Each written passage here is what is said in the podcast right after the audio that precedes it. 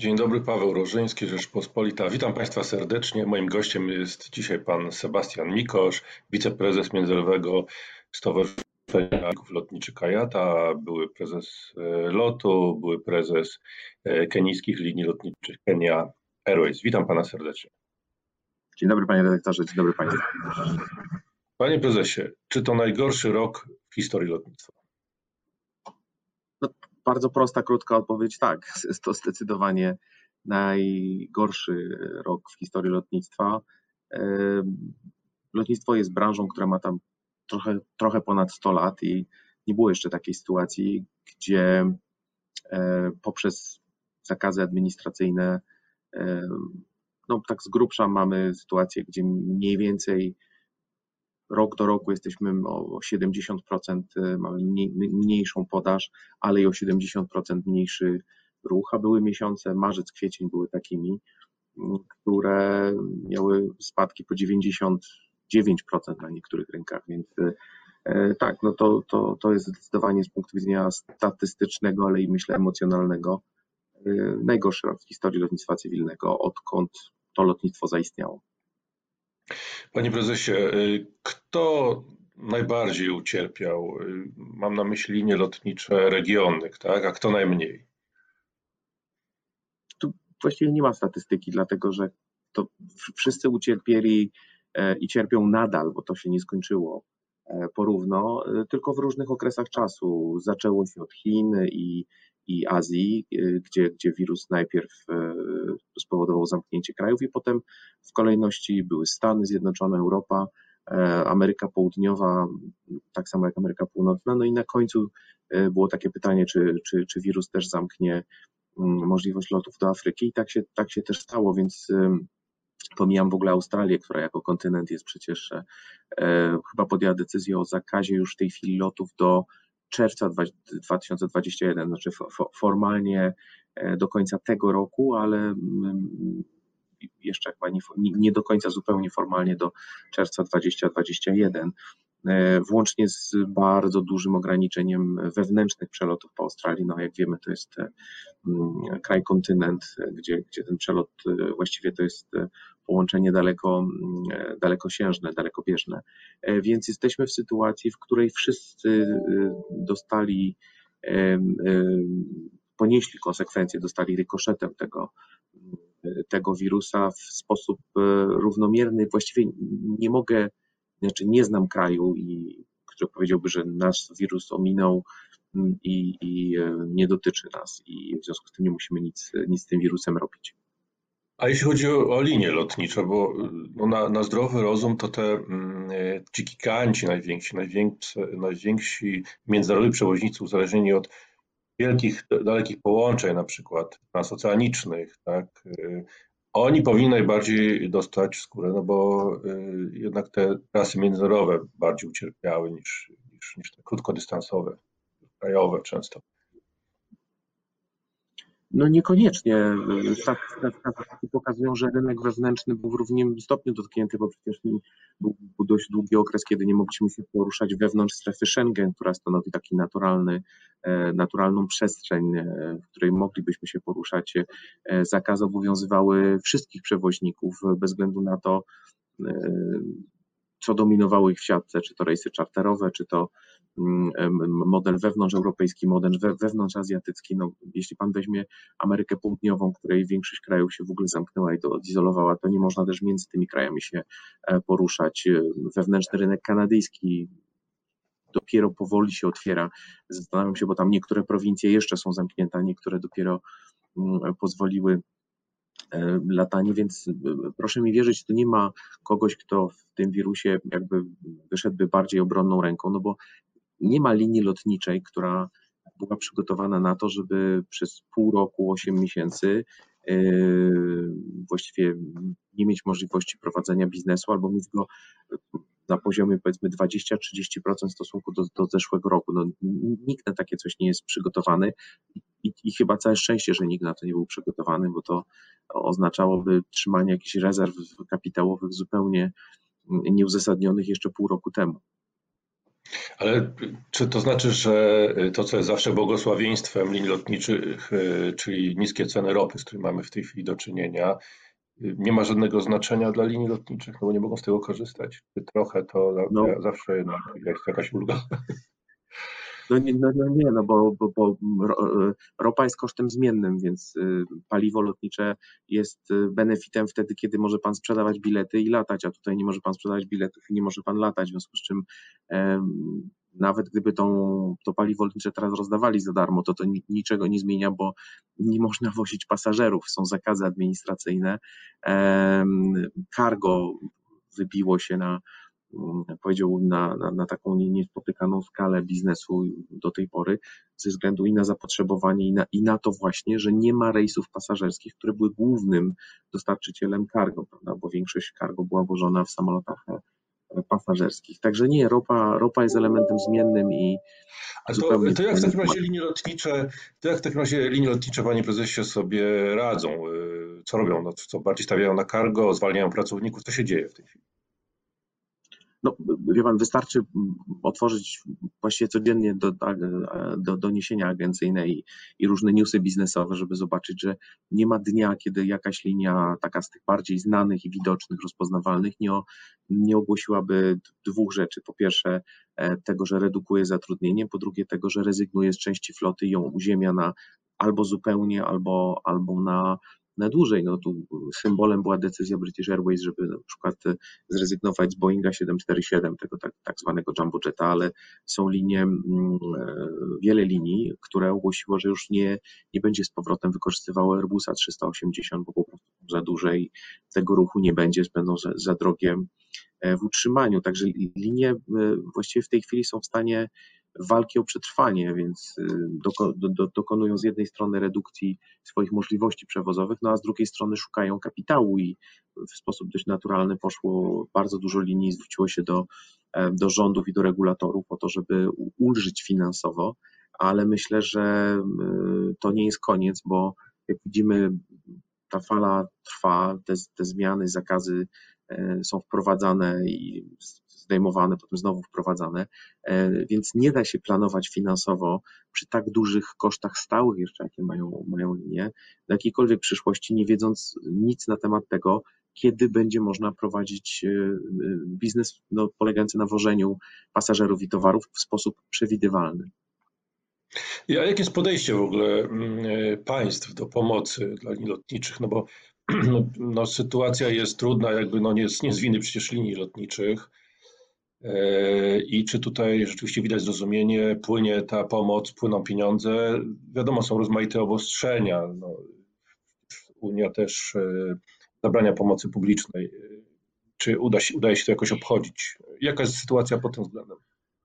Znaczy, to, to, nie są rzeczy, które trzeba w żaden sposób obchodzić. Mi się wydaje, że tutaj najlepszą metodą jest po prostu um, mówienie na wprost e, tego, co się dzieje. Więc e, my opublikowaliśmy taką statystykę, która pokazuje, jaki jest stopień, intensywność pomocy ratunkowej. Ja nie lubię ją nazywać pomocą publiczną, chociaż ona jest oczywiście z, z pieniędzy publicznych, ale ona naprawdę jest e, taką pomocą ratunkową żeby linie w ogóle e, przetrwały.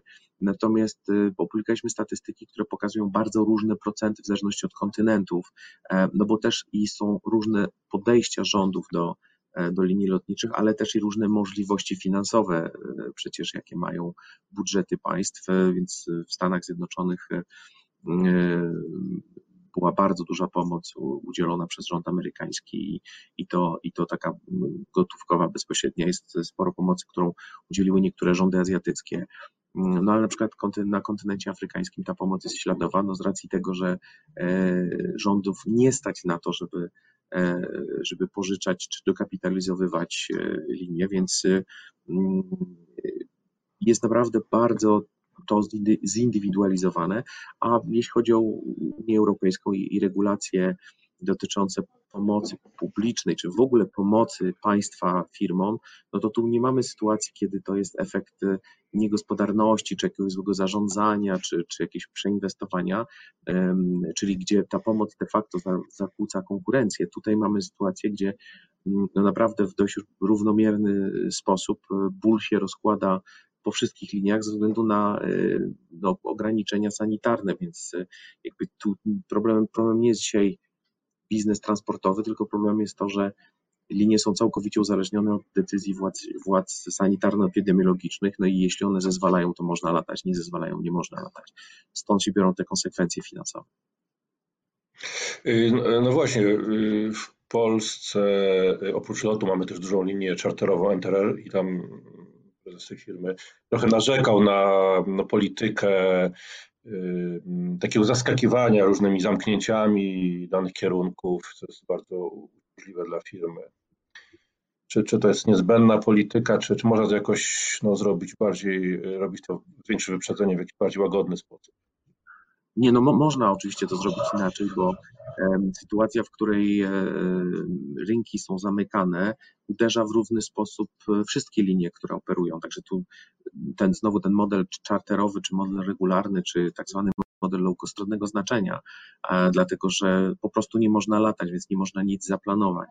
I teraz y, mm, no oczywiście rząd polski podjął, podjął decyzję bardzo podobnie do różnych rządów europejskich, ale nie tylko, również do, do, do rządów na świecie. To znaczy mm, my mamy czynimy ogromne starania, żeby wypracować standard i na razie walczymy o to, żeby, żeby testowanie stało się takim standardem sanitarnym i takim standardem zachowań, który pozwala na to, żeby e, e, rządy nie zamykały rynków, e, tylko po prostu zmieniały sposób zachowania czy wymogi, a nie było to tak, jak właśnie to, co, o czym Pan wspomniał, że z czym się absolutnie zgadzamy, że po prostu z dnia na dzień były kontrakty, były poplanowane wyjazdy, sprzedawane bilety, no i nagle, nagle ten rynek się, się zamyka, bo no, no nie ma możliwości prowadzenia jakiejkolwiek działalności gospodarczej e, w takich warunkach. Zresztą działalności chyba administracyjnej też nie ma, bo przecież widzimy, że administracje też z tego, z tego powodu mają duże kłopoty i spowalniają. Więc y, tu nasze stanowisko jako, jako IATY jest takie, że, żeby razem z ICAO, czyli tą, tą międzynarodową organizacją lotniczą, ta, tą, która działa na podstawie konwencji chicagowskiej i reprezentuje państwa, która jest naszym głównym jakby e, partnerem w tych rozmowach, e, no to pracujemy, mamy w tej chwili dość zaawansowane rozmowy nad propozycjami, takimi protokołami, które będą rekomendowane rządom. Już druga wersja, bo już pierwsza została zarekomendowana i spotkała się z dużym, dużym przyjęciem ciepłym, ale i przede wszystkim z wdrożeniem. To chcemy w tej chwili drugą część e, tego domknąć i to się domyka właściwie w ciągu kilku dni teraz, e, ponieważ następne spotkanie jest dokładnie jutro po to, żeby zaproponować rozwiązania sanitarne, które pozwolą po ich przyjęciu przez rządy, to są rekomendacje, nie zamykać rynku w sposób tak gwałtowny, no dlatego, że wiemy, że, że wirus będzie jeszcze z nami długo i e, musimy się nauczyć funkcjonować w dość podobny sposób do tego, co było przed wirusem, ale na zupełnie innych zasadach. Panie prezesie, był pan szefem lotu i proszę powiedzieć, jaka obecnie jest sytuacja firmy na tle właśnie innych przewoźników i jak długo nasza firma jest w stanie wytrzymać tę sytuację? E, wie pan co, no ja jestem, e, nie mam wiedzy w jakiej sytuacji jest lot, bo e, nie, nie pracuję tam, tam już, a jeśli chodzi o moje dzisiejsze stanowisko, to jeszcze mam taką sytuację, że to jest firma członkowska i, i, i w związku z czym wolę się nie wypowiadać i dlatego, że to firma członkowska i dlatego, że nie mam, nie mam wiedzy na ten temat. Mhm. Proszę powiedzieć, czy, czy e, w tej chwili widać e, spadek cen, czyli coś, co byłoby korzystne oczywiście dla pasażerów? E, jakie, jakie, w tym, jakie tu mogą być tendencje? Bo z jednej strony mamy rosnące koszty w postaci rozmaitych zabezpieczeń. Tak? Linie lotnicze też muszą się w momencie na czymś odkuć, że tak się nieładnie wyrażę mm, ale, ale też z drugiej strony maleje popyt, więc no, w jakim kierunku idzie polityka cenowa przewoźników? Znaczy, przede wszystkim polityka cenowa przewoźników dzisiaj charakteryzuje się super niskimi cenami, bo jest bardzo niski popyt, w związku z czym e, przewoźnicy walczą, e, walczą powiedziałbym, nieekonomicznie e, niskimi cenami taki przykład sztandarowy to są ceny tych najdroższych biletów w klasie biznes, które w tej chwili są mniej więcej równoważne dwa razy cenie biletów w klasie ekonomicznej, podczas gdy przed COVID-em to, to było no 5, 5 do 6 razy cena biletu w klasie ekonomicznej. No i to, to oczywiście bierze się z e, bardzo niskiego popytu w ogóle w tej chwili, a jeszcze, jeszcze niższego na, na przeloty biznesowe. Ja w ogóle nie, nie myślę, że linie mogą się na czymkolwiek odkuć w tej chwili, bo to jesteśmy cały czas i to e, muszę bardzo wyraźnie podkreślić w fazie przetrwania. To jest walka o przetrwanie mówienie o odkuwaniu się to, to są jeszcze długie lata przed, przed nami, zanim nie zaczną odkuwać się, czy w ogóle nadrabiać te straty, bo tu w ogóle na razie nie ma mowy o tym, żeby cokolwiek narabiać. Na razie jesteśmy w sytuacji, w której co miesiąc mierzymy, czy w stosunku do zeszłego roku to jesteśmy 40, 50 czy 60% poniżej mm, tego, co było, więc y, y, nie jestem pewien, czy to jest sytuacja w ogóle tak długoterminowo korzystna dla pasażerów, bo oczywiście teraz, teraz krótkoterminowo no, tam, gdzie można latać, to, to pewnie można polecieć tanio, no ale to dlatego, że, że de facto nie ma popytu, a to oznacza, że w dłuższej, w dłuższej perspektywie E, linie będą, będą się zmniejszały, będą zmniejszały oferowanie, a to nigdy nie jest dobre dla konkurencji. Proszę pamiętać, że ceny. Bo jak gwałtownie wzrośnie popyt po pandemii, rozumiem, że wtedy tym samym ceny mogą e, gwałtownie też skoczyć, tak? Jest, jest scenariusz e, No to, to, to zależy. Ja bym bardzo chciał, żebyśmy mieli sytuację gwałtownego wzrostu popytu, bo my na razie zakładamy, że popyt wróci do, do poziomu tego sprzed pandemii za 3, może 4 lata. E, więc tu nie będzie za dużo miejsca na, mm, na podnoszenie cen. I tak jak mówię Jaki dzisiaj... Właśnie? Czy, czy, czy, czy Pana zdaniem y, ktoś skorzysta na tym, y, no nieładnie mówiąc, czy będzie tak, że ta sytuacja wymusi konsolidację branży i na przykład te firmy, które no naj, naj, najlepiej były zarządzane wcześniej, mają jakieś zapasy gotówki i wykorzystają to teraz do przejęcia, przejęcia innych y, podmiotów? Znaczy, konsolidacja może być konsekwencją e, i na pewno będzie częściowo konsekwencją tej pandemii, no bo niektóre linie będą, żeby przetrwać, będą wolały się po prostu e, sprzedać czy, czy, e, czy połączyć z kimś, bo to nie musi być wcale w drodze, w drodze wrogiego przejęcia, to może być po prostu w drodze połączenia.